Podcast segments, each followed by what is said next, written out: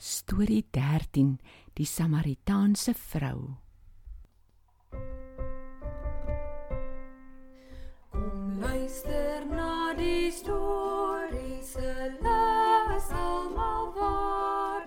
Al wil jou hart kom aanraak, so maak jou daarvoor klaar.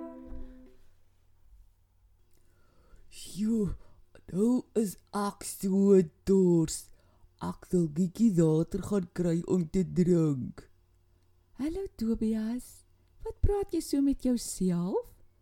O, hallo Tannie Gordon.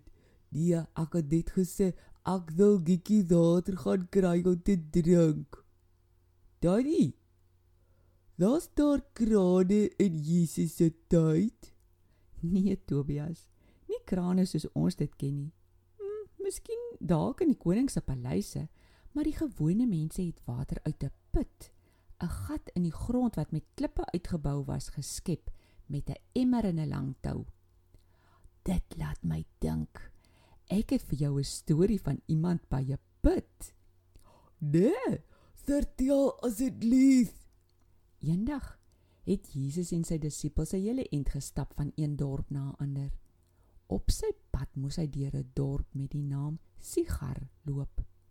Die mense wat daar gewoon het, is Samaritane genoem. Nou ja, hulle stap en stap en stap toe tot dit so middag 12uur is. Jesus is toe reg moeg. Hulle het besluit dat hy bietjie hier sal sit en rus by die put. Dan loop sy disippels in die dorp in om vir hulle kos vir middagete te gaan koop. Gewoonlik kom niemand daardie tyd van die dag na die put toe nie. Dit is net te warm. Al die mense het al vroegoggend gekom om water vir die dag te kom haal. Maar Maar dat Tannie? Jesus sit nog so. Toe sien hy, hier kom iemand aan. En soos hy nader kom, sien hy dis 'n vrou. Dalk wou sy nie deur ander mense gesien word nie. Dis hoekom sy put toe kom as almal klaar daar was. Maar Jesus is mos baie lief vir mense. Hy het geweet hy het vandag 'n afspraak met haar. Die vrou loop nader met haar kruik op haar skouer en sien: "Ag, nee, daar sit iemand by die put. Ek het so gehoop hier is niemand nie. Ag wat? Nou moet ek maar net vinnig water skep en terugloop huis toe." Hmm. Gelukkig sien ek dis 'n man. Dit lyk soos 'n Joodse man. Nee, wat? Alles is veilig. Joodse mans praat nooit ooit met Samaritaanse vroue nie. Dit word nie nie goed doen nie. Sy loop nader en begin skep water. Ewe skielik hoor sy 'n stem. "Gee my asseblief 'n bietjie water om te drink." Die vrou dink sy is besig om te droom. Het hierdie man nou met haar gepraat? Sy kyk op en sien so waar hy sit en kyk vir haar en hou sy hand uit. Sy skrik so dat sy sommer begin babbel. "Meneer, hoekom praat jy met my? Jy mag mos nie." Jesus antwoord haar toe: "As jy geweet het wie ek is wat vir jou water vra, sou jy vir my lewende water gevra het." Die vrou staan nou sommer skiets regop. "Meneer, jy het niks om mee water te skep nie en hierdie put is diep. Of kan jy dalk meer doen as Jakob wat die put gegrawe het?" Jesus sê: "Mevrou, 'n mens word weer dors as jy van hierdie water drink. Maar wie my water drink, sal nie weer dors word nie en sal die ewige lewe kry."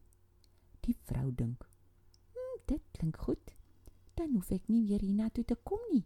Die kruik water is juis so swaar om te dra." En sy sê: "Nou toe, gee dan asseblief van die water, meneer." Dat het Jesus eintlik bedoel, Tannie? Tobias. Die vrou dink Jesus praat van gewone water en eintlik praat hy van geestelike water. Dit beteken net Jesus kan ons dors na waaroor die lewe regtig gaan wegvat. Dinge en geld en goed en mense gaan nooit ons laat voel die lewe is regtig die moeite werd nie net as ons vir Jesus volg. het die vrou toe nog verder getroud. Jesus het gepraat. Hy sê vir haar: "Gaan haal jou man en kom weer na my toe." Sy skrik haar yskoud. Sy dink: "Wat weet hierdie man van my af?" Sy kom agter hierdie man is dalk 'n profeet. Dalk het God hom gestuur. Maar sy is skaam en antwoord: "Ek het nie 'n man nie."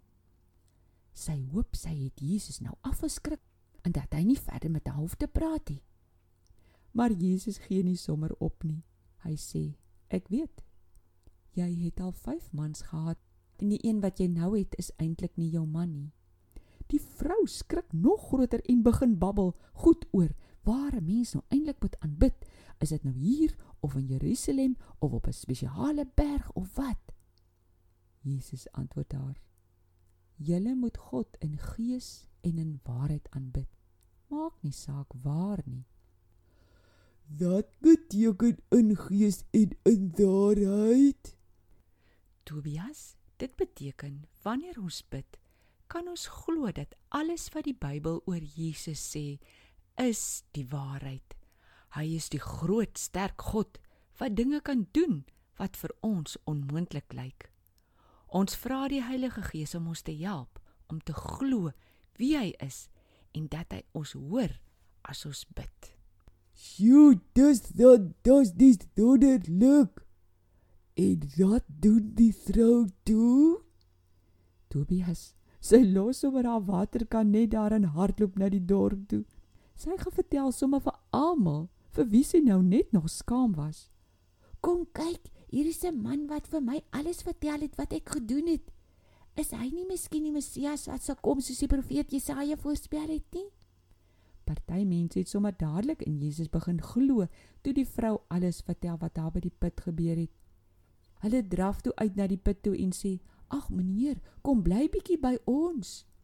Jesus het toe 2 dae by hulle gebly en sommer lekker met hulle gesels. Sommer nog 'n klomp mense het begin om in Jesus te glo. Hulle het gesê: "Ons weet hy is regtig die verlosser van die hele wêreld." Sjoe, daddy. Dis 'n gaie mooi storie. Jesus is lief vir alle mense. En wil hy almal moet na hom toe kom. Ek verstaan ook nou dat gedwonge water vir ons lyfies nodig is. Maar Jesus is die een daaroor die lewe eintlik gaan. Ek gaan elke dag tot hom bid en die Heilige Gees gaan my help om te glo in Jesus. My gaatjie moet dit ook hoor. Ek draat gou na hom toe. Totsiens Tannie. Totsiens Tobias.